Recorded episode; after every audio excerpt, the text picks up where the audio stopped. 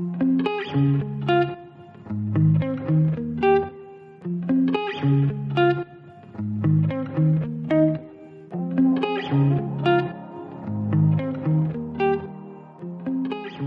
och välkomna till nästa avsnitt av podcasten Träning. Nu är det dags för avsnitt sju och ytterligare ett lite speciellt avsnitt Sebastian. Jajamän. Idag så är det ju dags för våran andra gäst i poddens historia. Precis, och det är inte vilken gäst som helst utan det är vår gamla klasskompis Elise som eh, nyligen är utbildad personlig tränare. Hon har lång erfarenhet inom gruppträning och hon är även raw food-kock. Ja, det är en härlig blandning utav eh, både massor med eh, olika kvaliteter i form av utbildning men även en härlig personlighet som vi tror kommer kunna hjälpa er och bli väldigt inspirerade. Ja, man kan inte säga annat än att det är, det är solsken, det är glatt och är det någon som hittar glädje till träning så är det ju Elise. Ja, och det, det ska bli riktigt, riktigt roligt faktiskt att få se vad hon har att säga här och hur hon kan hjälpa er då framförallt med kanske träningstips eller vem vet vad som kommer upp. Men vi kanske inte ska dra ut på det längre utan vi kanske ska ta in henne med en gång. Ja, men jag känner det. Hon eh, har säkert enormt mycket att säga och vi måste utnyttja tiden till det maximala. Exakt, så vi plockar in henne här.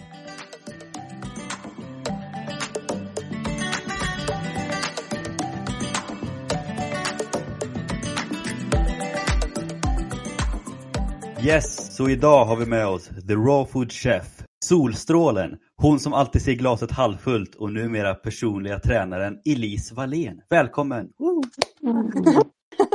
Tack snälla. Och det var ju några av eh, våra ord för att beskriva vem du är, men hur skulle Ja, du beskriva dig själv lite kort? Oj, jag skulle beskriva mig själv främst som eh, ja, försöker jobba mycket efter energi. Eh, jag lever mycket efter uh, energierna runt omkring mig. Och sen älskar jag träning, älskar rörelse i allmänhet och intresserad av hur man kan optimera hälsa på så många olika sätt som möjligt så det passar individen. Spännande. Extremt spännande. Men det var, vi pratade ju lite här innan och vi nämnde det även lite i början här Henrik att eh, sist som vi träffade Elise var ju faktiskt när vi gick på gymnasiet för då gick vi i samma utbildning där med inriktning kanske lite just mot eh, träning och hälsa. Så det var nästan fyra år sedan kom vi fram till här. Ja. Studentfesten.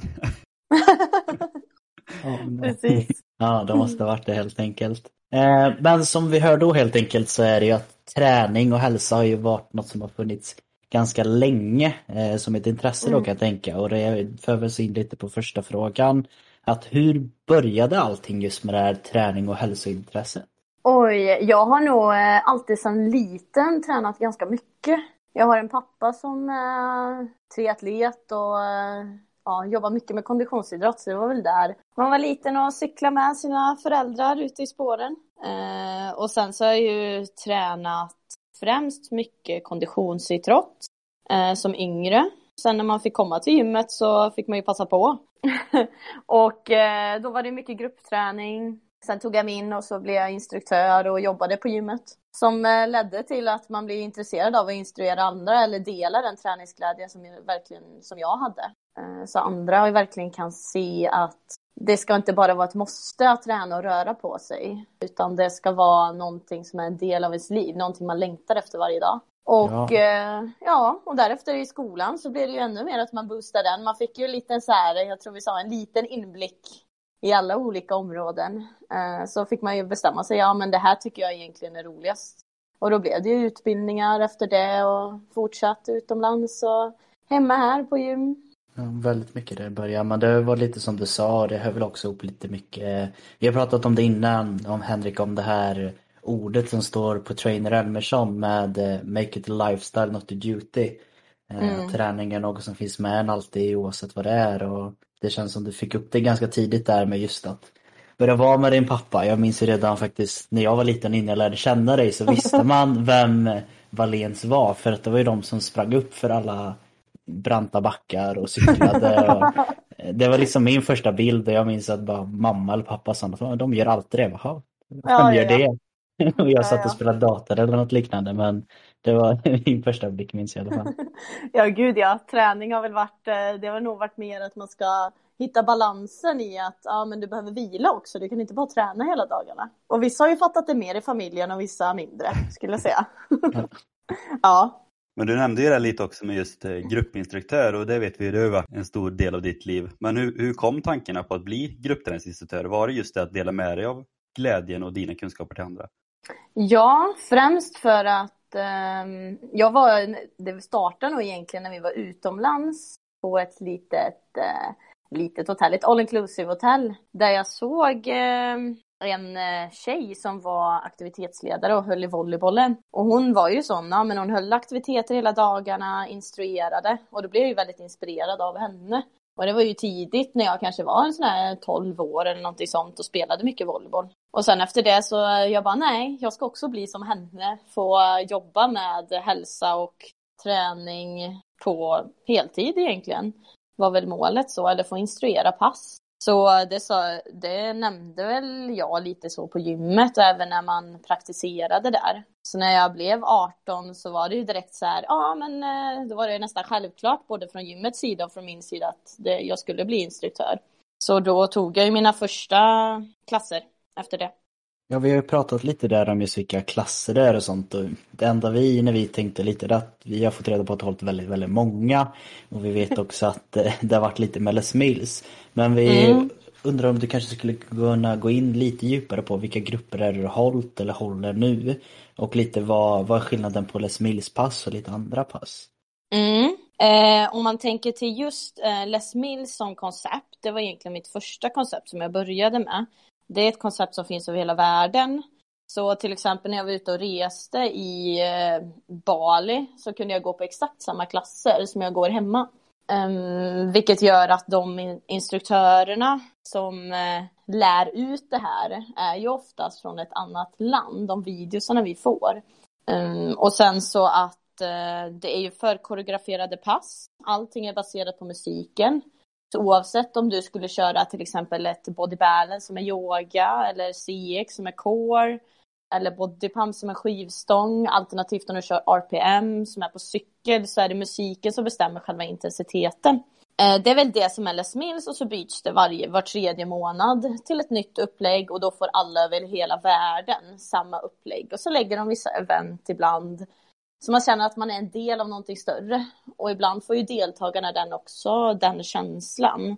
Eftersom att de, vissa blir väldigt inbitna eh, i den här resan. Det är tre månader tillsammans och sen så byter vi och så får vi nya utmaningar egentligen. Och inom det finns det mycket vidareutbildningar, så sett. Eh, sen har jag ju även hållit, eh, om man säger interna koncept. Som på STC där jag var innan så var det vanlig, eller cykel där jag bestämde intervallerna, la upp musiken och lekte DJ. Det har väl du också gjort Sebastian? Det har jag gjort. Jajamän, man känner sig så himla klyschig. Ja men det är det och anledningen till att vi skrattar lite det är för att jag fick ju faktiskt fram från en av de medlemmarna eh, som jag Ja. höll pass på. Frågade bara, men är det du som är Sebastian? Jag bara, ja det är det. Sen minns jag inte, var det farmor eller farfar eller mormor och morfar? Vilka, vem var det? Det är mormor och morfar. Mormor och morfar. Elise mormor och morfar kom fram och sa att ja, men de hade hört att jag jobbar där så vi Ja. båda hållit det. Men det, det är kul med cykling, det är det faktiskt. Mm, jo men det är jättekul. Eh, så, men jag har känt att den senare tiden att göra egna upplägg, till exempel om mycket sådana här cirkelpass, det är tabata, det är seniorer.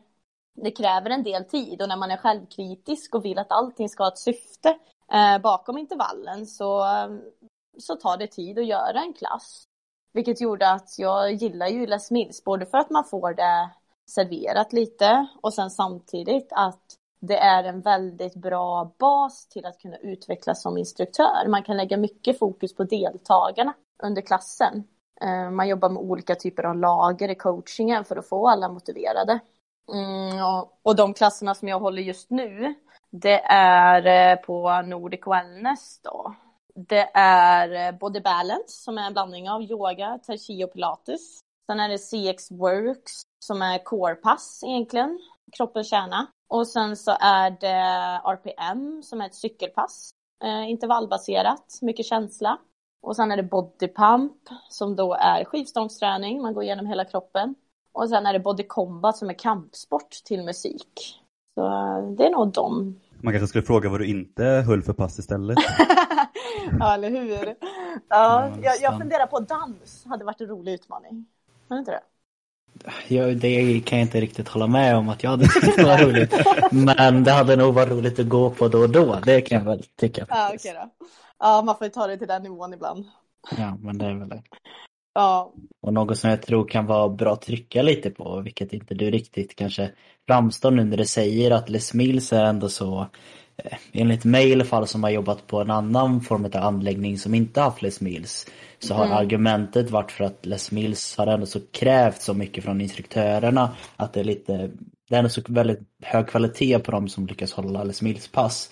Eh, och det får ju också en liten blick om att du har hållit sådana och du tycker att det är liksom enkelt medan från mitt håll har man hört att nej men du kan inte, vi kan inte ha det smilspass här för våra instruktörer hade inte klarat av att hålla passen för det är för svårt. Eh, och det är ändå så... Tråkig syn. ja men lite ja, så men faktiskt. verkligen. Men det, det jag tror att eh, när man är insatt, jag som är, jag är sån här tribe coach inom Les Mills. Vilket betyder att man försöker hjälpa nyutbildade instruktörer eller de ska, som ska få sin licens. Och det som jag pratar om är att det är olika lager inom Les Mills. Att lager ett är till exempel att du ska sätta takt och tempo, tekniken och de basic coaching då. Att det är så här, ja men de som gör att du lyfter säkert och att för att folk ska kunna hänga med egentligen. Det är väl ofta där jag tror att många stannar eh, när man tänker till instruktörskapet. Och sen så, men inom Lesmin så har man även någonting som kallas lager 2. Vilket gör att man vill utbilda deltagarna. När alla följer, alltså smärtfritt och de, ja men de har ett bra flöde. Så kan man säga, ja men du gör den här benböjen ner till ja, det här djupet för att. Att man får en förståelse till varför man tränar och varför man använder olika tempon i träningen. Och sen går man in till lager tre och man känner att man har utrymme för det. Det är motivationen. Att ja, men nu har vi bara tio stycken kvar. Gör du de här tio repetitionerna så kommer det bli så här mycket bättre. Eller då kommer vi uppnå den här känslan. Och jobba med musiken då. Känns ju lite som att Les Mills-utbildningen är större och mer utvecklande än, de vanliga gruppträningsutbildningarna. Ja, Mm, det ska finns ju för och nackdelar med allting. Uh, skulle, verkligen, det gör det ju. Eh, det är ju väldigt strukturerat, det upplägget. Uh, vilket jag passar mig väldigt bra. Samtidigt som det är någon annan kanske som känner så här, nej men jag vill ha lite mer fria tyglar, kunna anpassa mig ännu mer efter den gruppen jag har framför mig. Så det är ju verkligen individ. Ja det Vad är man det vill ju, ha. men de är ju Mm. väldigt duktiga Les Mills så de fortsätter Ja. som sagt att man märker att det är liksom hur stort som helst. Även nu har jag ju sett att de har släppt något Les Mills hemmapass så att man kan följa Ja. instruktörer via dator, telefon så de är ju verkligen i Mm. tiden och Ja, gud ja. Det finns ju Les Mills on demand, så du kan ju signa upp som ett medlemskap fast online. Så har du tillgång till alla olika klasser där och då är det ju de från Nya Zeeland som startar klasserna och gör klasserna som är instruktörer i sådana fall. Så det är ju, kan man träna hemma. ja men vad coolt. Ja, Spännande koncept. Ja, det tycker jag är jättekul.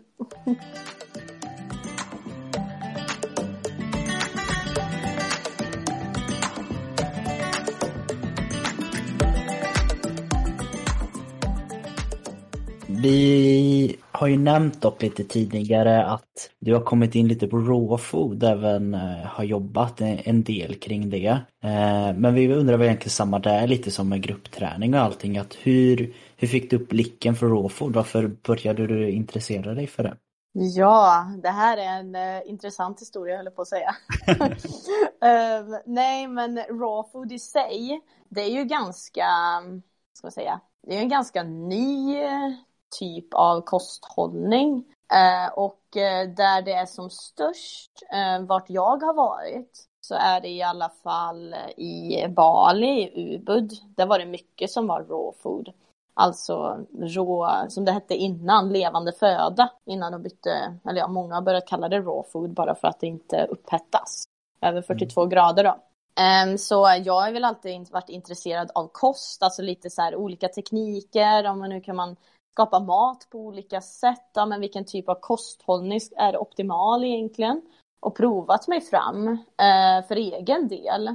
praktiskt sett, ja men vad händer om jag tar bort den här typen av mat från min kost? Eller vad händer om jag lägger till det här? Eller minskar på det här till exempel. Så det var ju lite att jag kände att det var intressant för det är så mycket färg i maten. Man jobbar ju bara växtbaserat. Ehm, och eh, man eh, jobbar mycket med att man aktiverar olika typer av mat. Man jobbar med torkning, man jobbar med fermentering. Så eh, när jag var ute och reste i Asien eh, sista månaden där så gick jag en sån raw food chef utbildning på två veckor. Det var jätteintensiv. Vi lagade tre måltider, eh, alltså från grunden varje dag. Eh, och i raw food så tar det till exempel att göra en ost, ja men det tar eh, fyra dagar. Och göra ett bröd tar eh, 24 timmar att göra. Och göra en sås tar till exempel ett dygn. Så det var mycket förberedelser inom själva maten det blev väldigt kul att jobba på det sättet. För det blev eh, andra tekniker än vad man till vardags kanske använder. Eftersom det inte användes några mejeriprodukter och de delarna.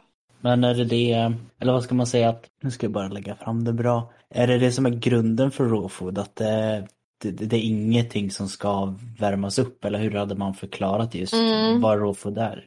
Eh, om jag skulle förklara då för så här att du vill äta maten så vad ska man säga, så levande och oprocessad som möjligt. Eh, så levande föda är ju, du vill till exempel fröna blötlägger du eh, genom att du ska få, att de ska bli lättare att ta upp eh, av kroppen. Du till exempel vill äta många grönsaker råa för att man säger att det är med färskare och det finns mer eh, vitaminer, mineraler i dem. Så det är ju en typ av kosthållning eh, och det som jag har förstått på senare dagar, eller som jag känner att nej men det här håller jag verkligen kvar vid. Det är ju att eh, man säger att man ska i sig, få i sig 500 gram frukt och grönt per dag. Och genom att implementera lite av raw food eller lite så här mycket sallader och ja, färger så får man lätt i sig dem. Så eh, den stället som jag jobbar på nu heter ju Raw Some Days. Så det är ju rå några dagar att man ska få så här, ja men du kan komplettera det du redan har.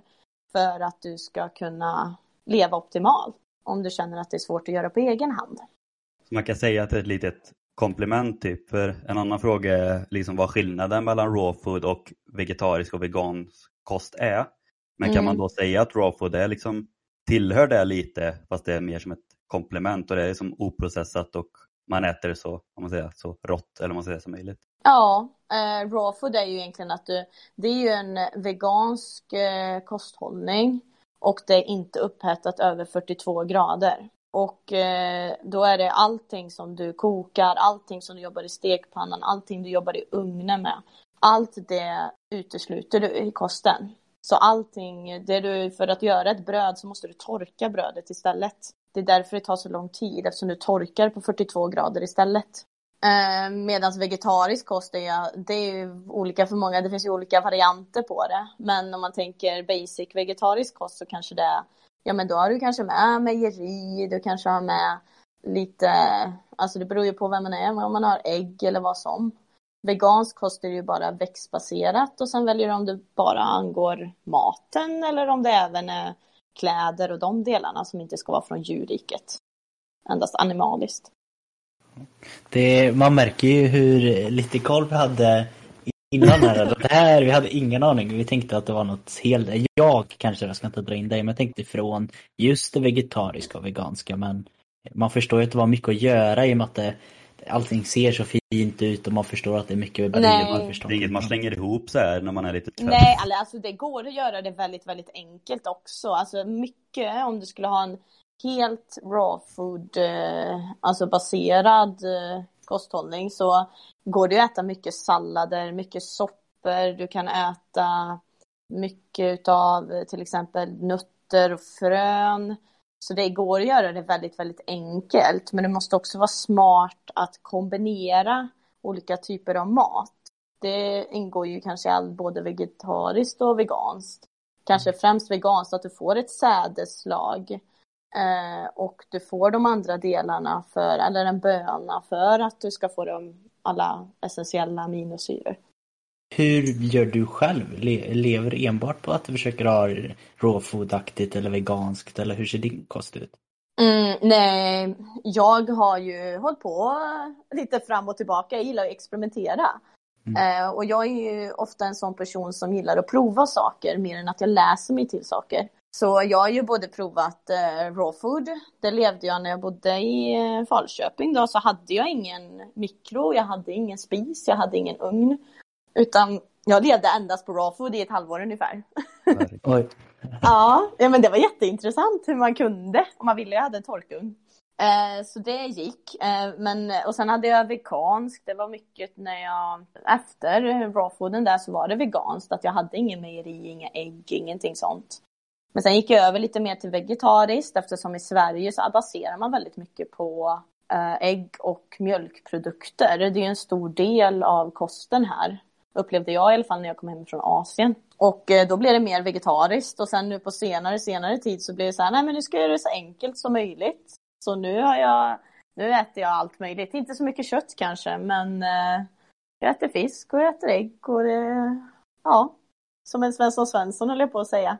Fast jag försöker gö lägga, ja, göra all mat ifrån grunden. Det är inte så mycket halvfabrikat. Men det är väl lite som vi har pratat i tidigare avsnitt också, det lilla vi har pratat om kost, att mm. alltså, det mesta funkar ju, men det gäller ju ofta att, att ta koll på vad man behöver och vad maten man äter innehåller så att man vet om man behöver mm. mer eller mindre av någonting. För Mm. Så länge man har koll så klarar man ju de flesta dieter och liknande.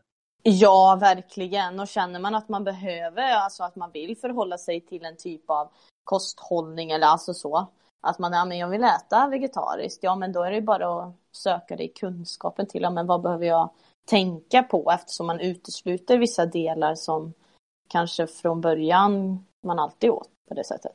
Eftersom vi har chansen att välja nu när man, nu i dessa tider när man har eh, affärer runt hörnet liksom. Ja, det är så in i tiden som du säger där att man blir nästan nu mer förvånad om man skulle beställa från restaurang eller äta ute någonstans att om det inte finns vegetariskt eller veganskt utan ja. det är liksom så himla in i tiden och mm. det vet ju även jag som liksom är på skolan nu lite och jobbar att när vi var små i alla fall på min tid då var det kanske att en gång i veckan så fanns det ett vegetariskt alternativ att kunna mm. äta. Medan här så finns det alltid vegetariskt eller veganskt varje måltid och sen är det några dagar i veckan som det är helt vegetariskt så att även alla äter det. Men jag tycker det är bra som sagt att det, det är ändå så i tiden och sen så även miljömässigt att det, det hjälper till mycket. Mm, det var precis det jag tänkte säga. Miljön är också någonting som många har in på just den vegetariska delen att ja, men det är ett miljötänk bakom att man äter mindre kött, att man äter mindre fisk och de delarna och jobbar mer alltså lokal, eh, ja, lokalproducerat, svenskt. Vi kan i alla fall komma överens om Henrik att det, det är ett häftigt ämne och vi kanske borde testa på det lite mer. Ja, verkligen. Faktiskt. Man kan prata om kost hur länge som helst. Det finns inga rätt och fel känns det som. Nej, det är väl det. Alla har sin egen Nej. syn på det. Ja, gud ja. Det kommer ju bara mer och mer för varje år också. Så att... Ja, det lär vi göra hela tiden, höll jag på att säga. Ja, vi får väl ja. hoppas det.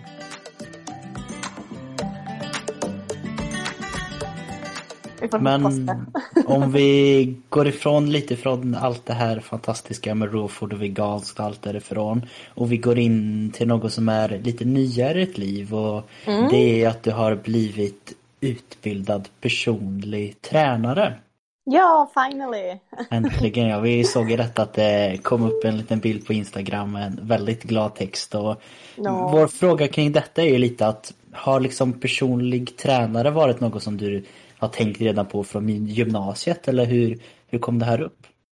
Ja, det har det verkligen varit. Eh, jag har verkligen velat vara personlig tränare länge.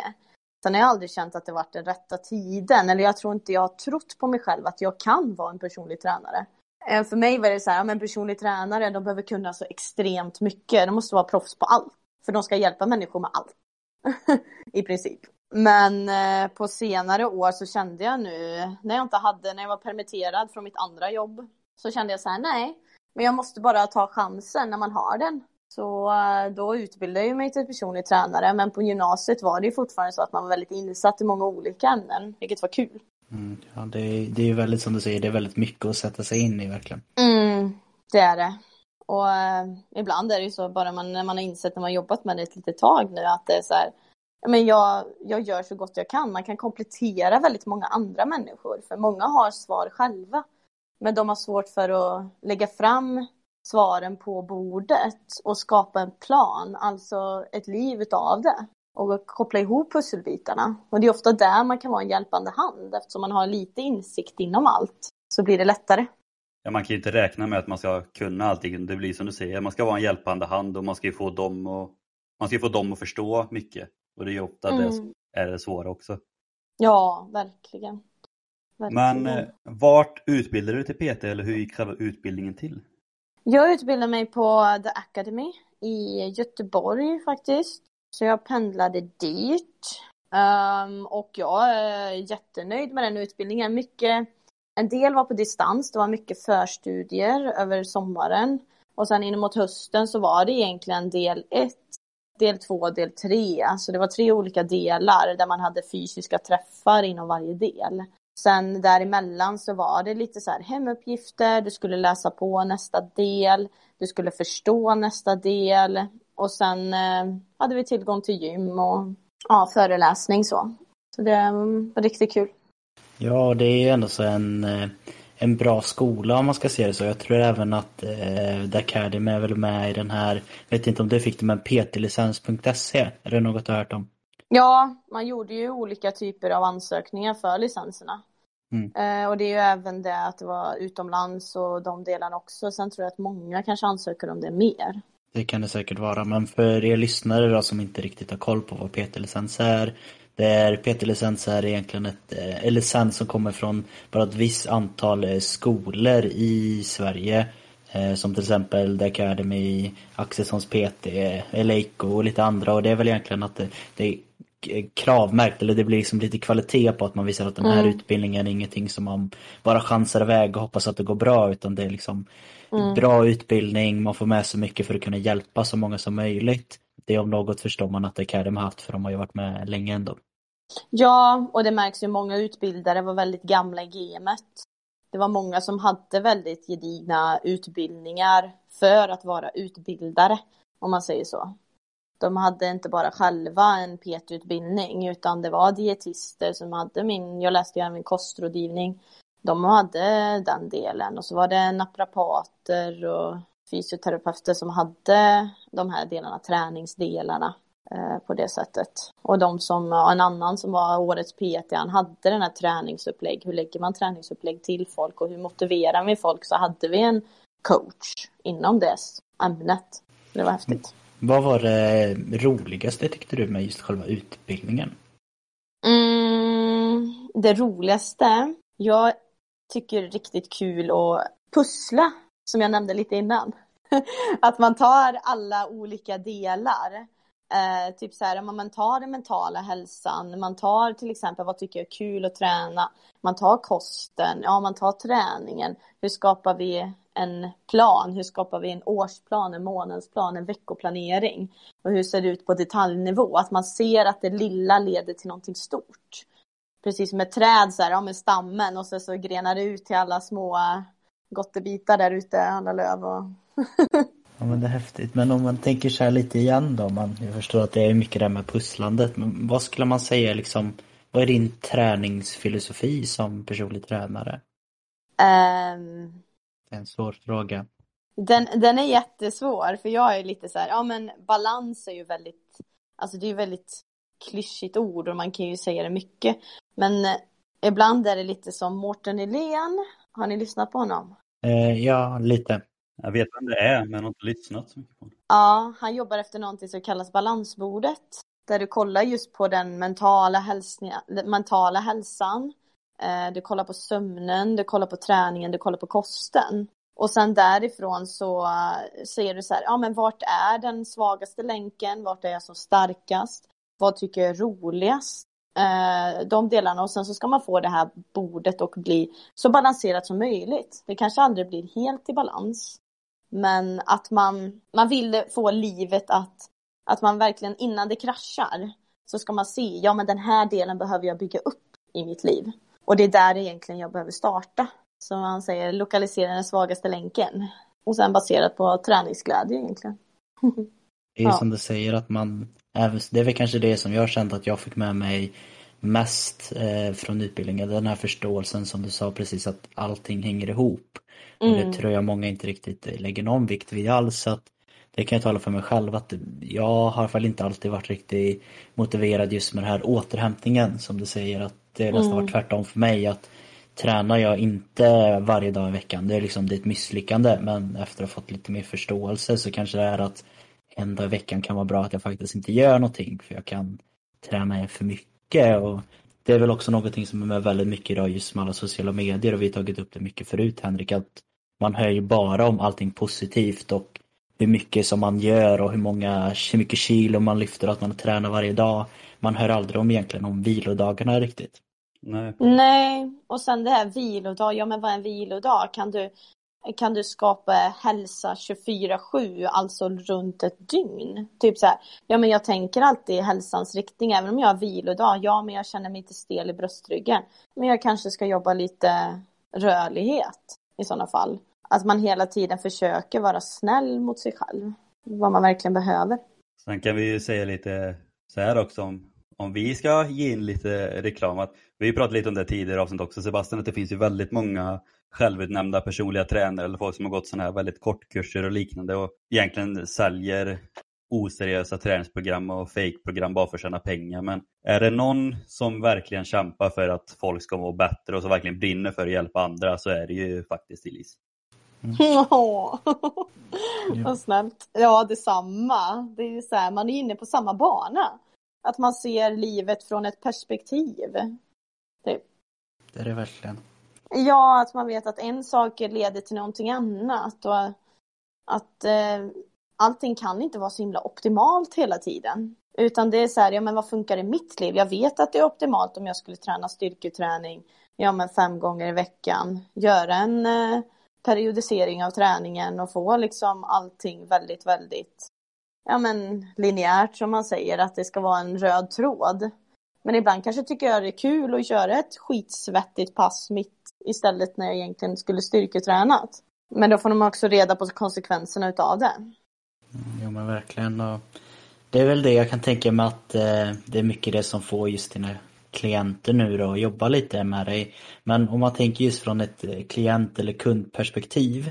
Varför, mm. Om vi mm. låtsas att jag har ingen koll och jag känner att jag vill ha en personlig tränare. Varför ska jag som klient välja just dig och inte någon annan PT? Mm, den är bra. Ofta tror jag att, ja, så säger säkert många, men att man jobbar långsiktigt. Att man jobbar efter mål som är hållbara, relevanta många kommer kanske och säger så här, nej men jag vill gå ner 10 kilo eller om man kommer, ja men jag vill få bort den här, ja men fettet, jag har bilringar runt magen och sådana saker. Jag bara, ja men det, det är ett delmål. Men vad händer egentligen efter du har fått bort det här? Eller vad är egentligen syftet till att du vill ha det här kortsiktiga målet? För att man verkligen ska ha en drivkraft livet ut. Och sen att jag verkligen försöker se att ja, men vi tränar den träningen som du tycker är kul. Blandat med att du får förståelsen kring att ja, men den här träningen behöver du för att. Så alla klienter som kommer till mig så är det så här, nej men även om vi gör en benböj, jag kan säga att vi ska göra 10 repetitioner, repetitioner benböj. Jag pressar ut knäna, ryggen ska vara så här. Men jag säger också varför ryggen ska vara i den positionen. Varför knäna ska pressas ut varför vi har det djupet vi har. Så man försöker utbilda sina klienter att de får med sig någonting med tyngre värde. Mm. Jag tror det är viktigt också det som du nämnde där med just syfte också, för det är också något vi har tagit upp flera gånger.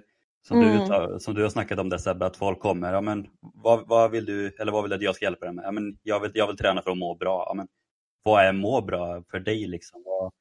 Det är så brett så att det verkligen får fram ett syfte på träningen också. Ja, precis. Och det var, jag skrev om det på Instagram, tror jag, igår eller någon gång. Att det var så här, ja, men vad är egentligen din drivkraft? Är det du, och är den här drivkraften någonting som kommer ifrån dig? Alltså genuint någonting som du vill göra? Eller är det någon annan utifrån, från din omgivning som har sagt att du ska göra det här? För, kommer, för försvinner den här personen från din omgivning, ja men då har du ingen drivkraft kvar. Om den inte finns inom dig liksom. Exakt.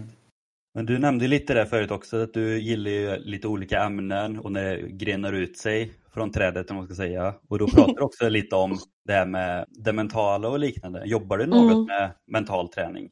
Nej, det gör jag inte. Eh, sen är jag väldigt intresserad utav det. Ehm, hur människor funkar i olika energier, vilka typer av tekniker man kan använda sig utav för att skapa liksom, en målbild, för att skapa en struktur. Till exempel när jag jobbar med kostrådgivningar så jobbar jag också mycket med liksom, coaching för att driva individen framåt. Ehm, och eh, så det är ju någonting jag tycker ligger, alltså det är någonting som man borde vara, en, alltså som en grundsten. Jag vet inte hur du säger Sebastian, men inom PT-yrket. Att man är en liten typ av coach hela tiden. För du ska ju motivera folk. Ja, men lite så. En liten form av coach. Eller jag har även hört, kanske inte en lika positiv, men nästan att man är hobbypsykolog.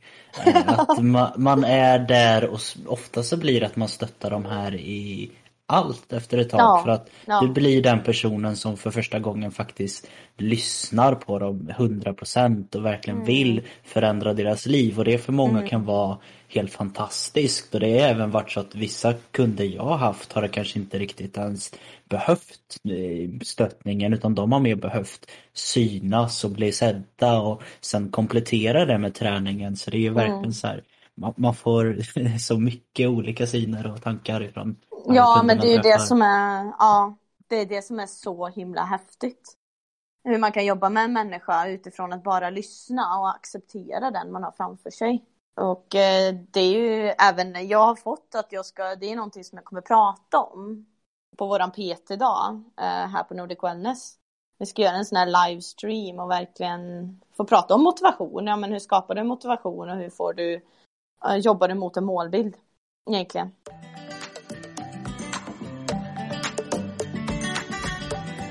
Ja, men det är häftigt. Men om vi Ja. tänker igen att man går tillbaka och vi, jag tänker vi smyger in det här lilla caset här och med det menar vi Ja. att man kan kalla det rollspel och men om vi låtsas så här att jag är en kund som Okej. ska träffa dig nu då för första gången. Jag kommer in på gymmet här eh, och ditt mål är att få mig att fortsätta lite med dig och även få lite reda på, som ett sälj. Jag antar att du säkert har haft flera sådana första träffar. Ja, konsultationer tänker du? Konsultationer, exakt ja. Ja. Eh, om vi tänker att eh, jag skulle komma in på gymmet, hur hade du börjat att prata med mig då? Ja, utifrån, ja. Jag hade ju främst så hade jag frågat ja, men vad, varför är du här just idag? Vad är din målsättning eller ja, men är du motiverad för träningen?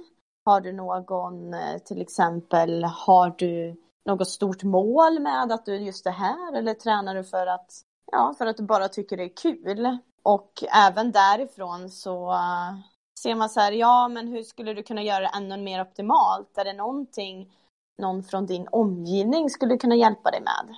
Behöver du några ögon utifrån? Om vi tänker nu att, eh, jag håller med där, att vi ser att mitt mål är, ska vi ta mig exakt så som det är då så ser vi Ja. mig att just nu är jag ju i en sits där jag inte kan träna 6-7 pass i veckan, vilket jag har gjort förut. Mm. Eh, Men jag har även lagt om målet väldigt mycket från att gå enbart ifrån eh, styrketräning eller powerlifting till att Mm. nu fokusera mer på kondition. Mm. Eh, Mitt långsiktiga mål är att jag vill åka Vasaloppet nästa år. Mm. Eh, Och det är relativt nytt för mig. Hur, hur skulle du kunna tänka nu, hur ska jag tänka när jag har mindre dagar och kunna träna på? Har du något tips vad jag kan tänka på då? Ja, först eh, hur många dagar i veckan har du? Och eh, även, ja men hur, eh, vad behöver, vill du träna styrketräning idag? Vilken typ av styrketräning tycker du är kul att träna? Och konditionsträning, ja har du rullskidor hemma? Eller är det till exempel, hur ska du se till sommaren? Ska vi gå ut och, gillar du att springa? Gillar du att cykla? Eh, hur får vi igång hjärtat så optimalt som möjligt? Och sen därefter att vi lägger en, alltså när vi vet vad du tycker är kul att träna, vad som är optimalt för din kropp och vi vet att, ja men hur är förutsättningar runt om i livet? Vi säger att du har, jag vet inte hur många veckor, dagar i veckan du har. Jag kan säkert träna. Det är ändå så rätt många, kanske fem, fem sex nu då istället för sju. Ja, men, okej. eh, men det är inte riktigt extrema heller. Men Nej. om vi tänker att vi tar in även rent skademässigt, jag vet inte hur din syn är på det. Mm. Eh, om man jobbar med skador, är det något du lägger aktiv fokus på? att Jobbar du med klienter som är skadade eller försöker du med jobba med friskvård som jag hört att vissa har sagt? Eller hur är din syn på skador just? Just till skador, så de flesta klienterna så säger jag så här, ja, men gå, gå och kolla upp eh, den skada du har med en sjukgymnast eller med någon som kan djupare se att ja, men det är det här, ja, det är det här som är orsaken till din skada. Sen säger jag aldrig till en klient att du kan inte träna, du kan inte röra på dig. För oavsett om du har en skada i axeln så betyder det inte att du inte kan, du springer ju inte med armen som man säger. Mm. Eh, Vilket gör att ja, men du kan fortfarande röra på dig och då kan vi skapa en plan utifrån vad du kan göra egentligen. Istället för att se att nej men jag kan inte göra det här. Så man ser möjligheterna i livet. Men samtidigt som man tar hänsyn till, ja men du har en skada där.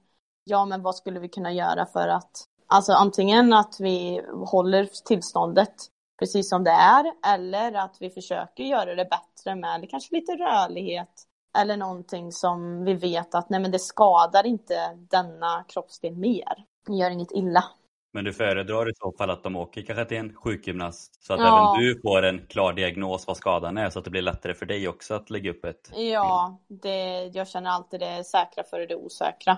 Verkligen. Det, jag kan ju inte sätta någon diagnos på folk eftersom man inte har de utbildningarna och den, man kanske inte vill sätta sig i den sitsen heller. Men har du något så här, nu vet jag inte nu hur länge du har jobbat som personlig tränare nu?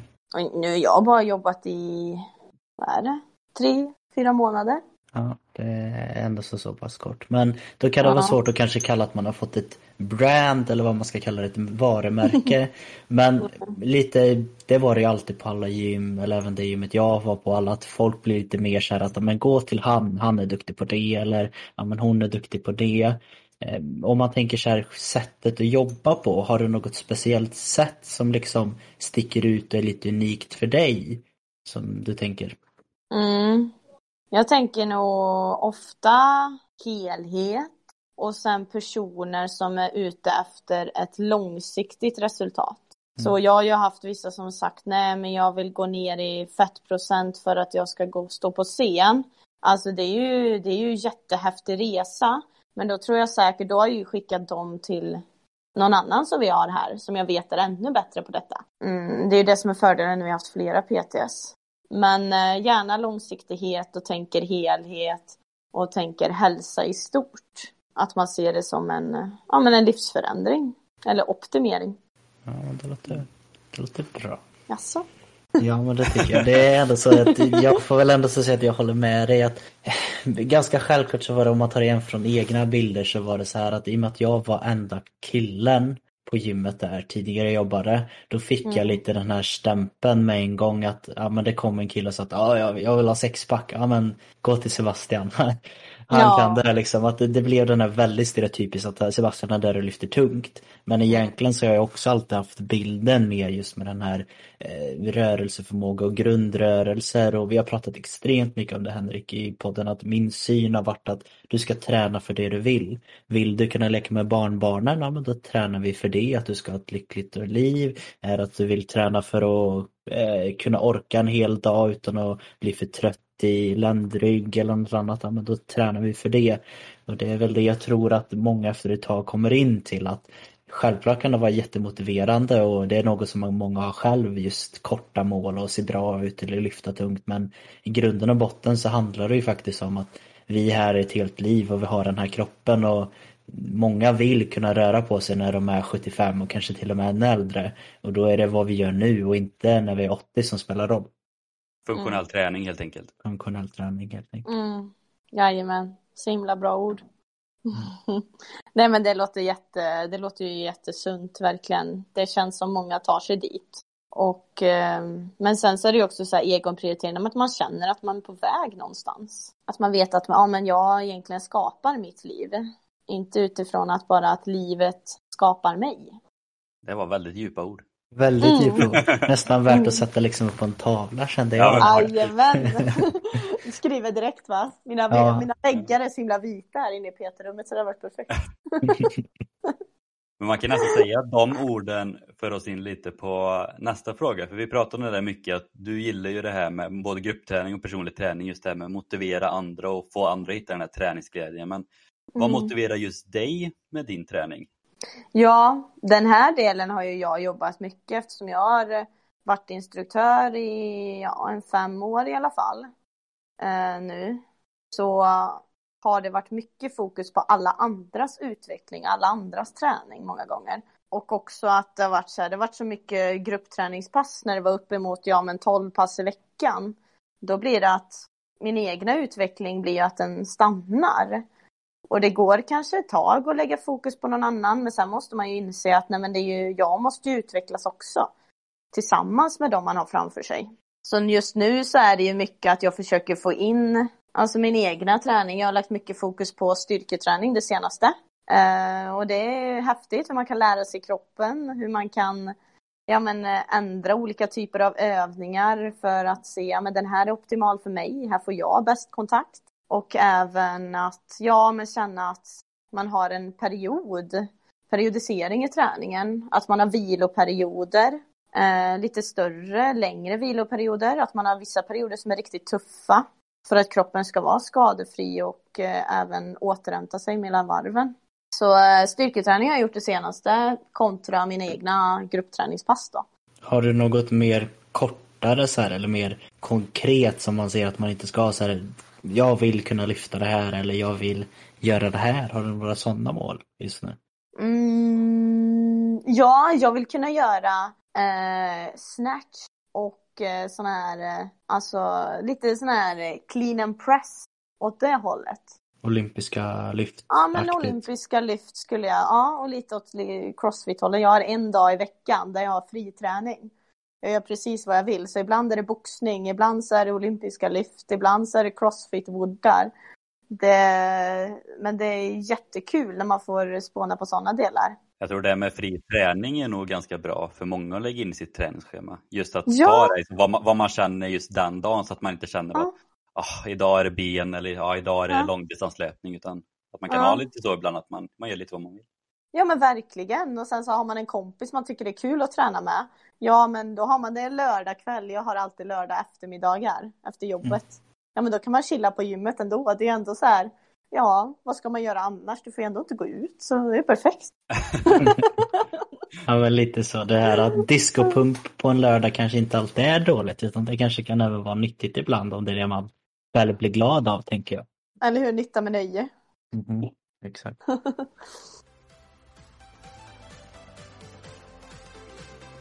Dagens frågor. Frågor. Frågor.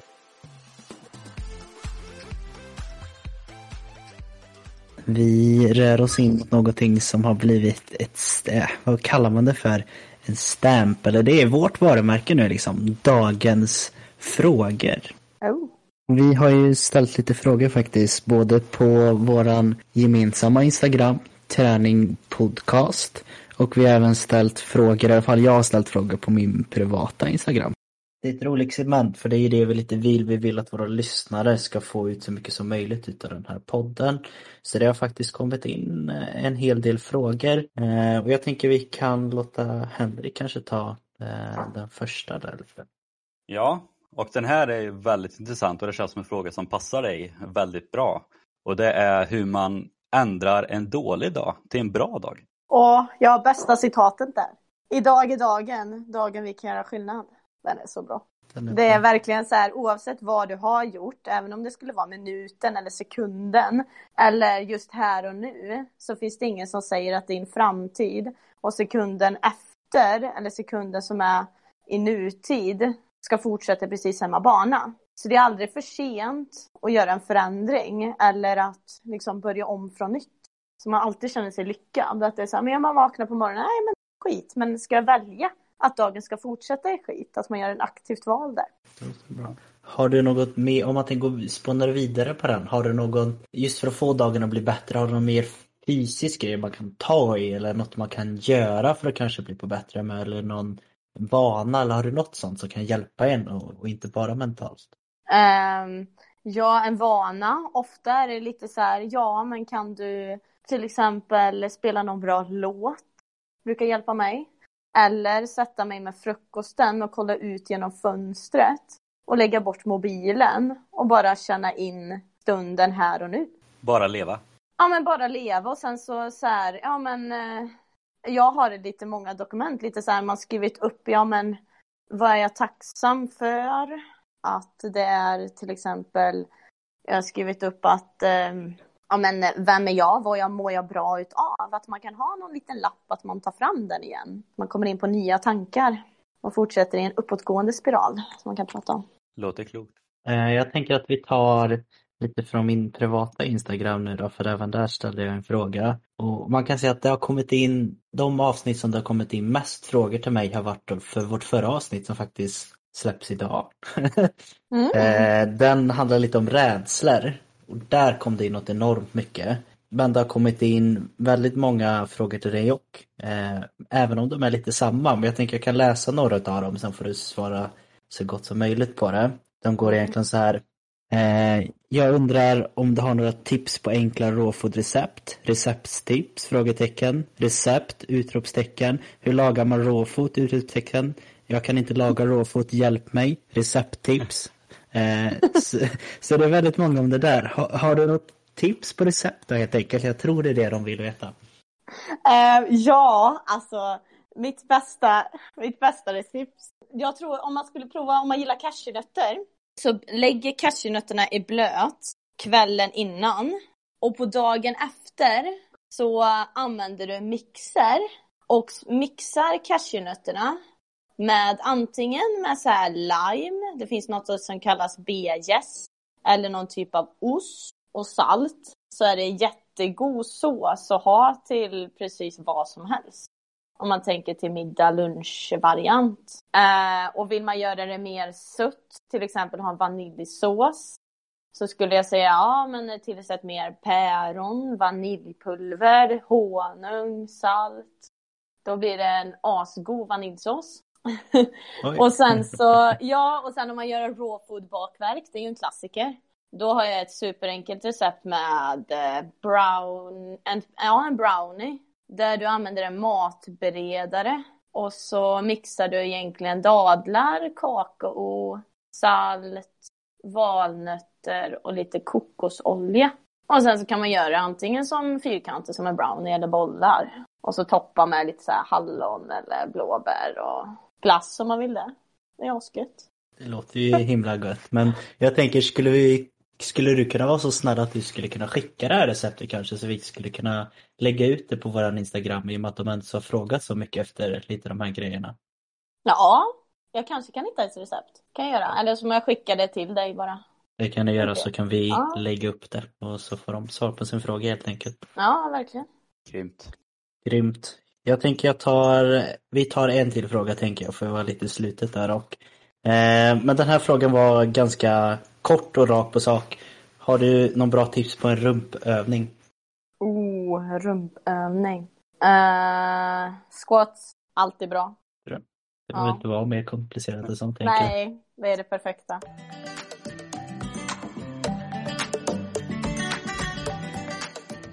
Då så, ska vi gå in på dagens sista lilla segment. Yes. Mm -hmm.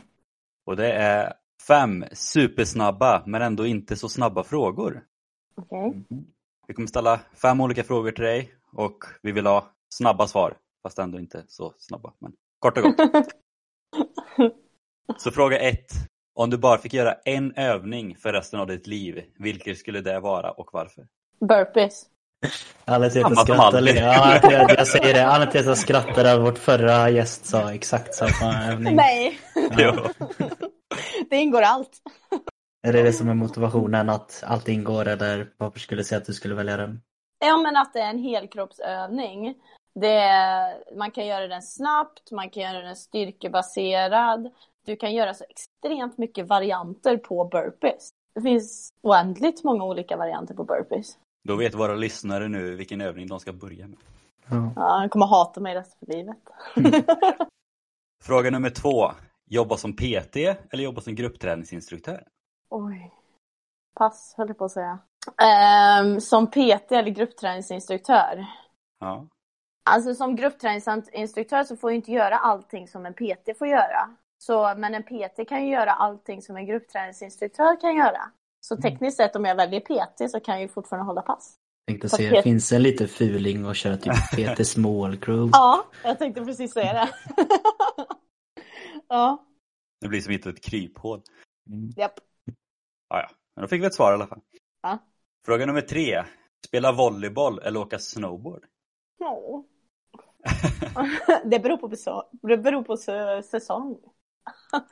Nej, men eh, spela volleyboll. Så du föredrar sand före snö? Ja, för eh, volleyboll är någonting jag kan spela i ja, miljarder år, tror jag. Snowboard eh, blir lite kallt efter ett tag. Du har en Mm. poäng där. Ja. Fråga nummer fyra. Vilka tre varor måste finnas i ditt kylskåp? Havregryn. En kylskåp Ja, eller skafferi. Som du vill ha hemma, eller måste ha hemma. som jag vill ha hemma. Ja. Havregryn, blåbär och ägg. Yes. Vi pratade om det innan, jag sa bara varför väljer ingen ägg? Det var min största fråga. Älskar ägg. Det kan göra allt med ägg. Ja, jag säger det. Ja, Perfekt. det, ja, helt underbart. Jag hade ju mjölk som nummer ett och Sebbe hade ägg som nummer ett. Ja, men du kan göra havremjölk av havre och vatten. Så jag tänkte det var inte så relevant. Eller Hur Henrik? Tänkte du inte på det? Nej, jag gjorde faktiskt inte det. Jag har inte så... Jag har inte den kunskapen som Elisa har. alltså, man kan få. Exakt. Nej. Sista frågan, nummer fem.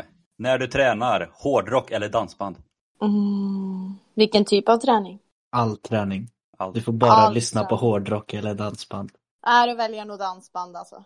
Det känns, du, alltså, jag, jag tror inte du lyssnar så mycket på dansband, men du känns som en dansbandsperson, så här glatt och håller igång. Liksom. Ja.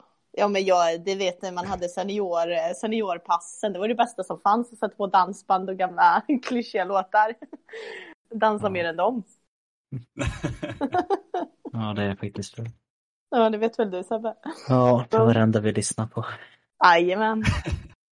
Eh, men eh, som sagt, det var egentligen allting som vi hade att ställa och fråga till dig.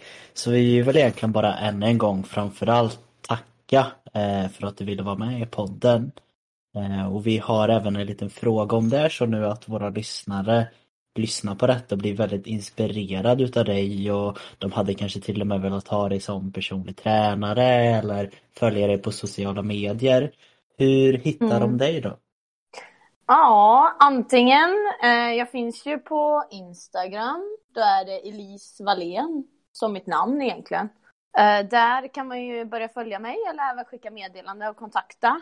Och sen så kan man ju även mejla mig på min eh, PT-mail elise.vallén.nordicwellness.se Och vi länkar det och skriver det i, vår, i ett inlägg så att det blir lätt för alla att hitta.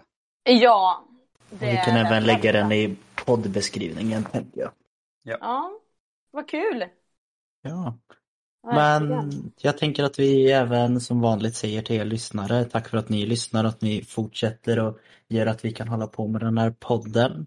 Och är det så att ni kanske till och med vill att Elise ska komma på något mer avsnitt och prata ännu mer om träning eller råfood eller vad som helst, var inte rädd att skriva till oss heller. Eh, antingen på våran Instagram då, träning podcast. Eh, Men jag tänker som sagt att vi tackar för oss och vi önskar alla en fortsatt trevlig dag. Ha det gött!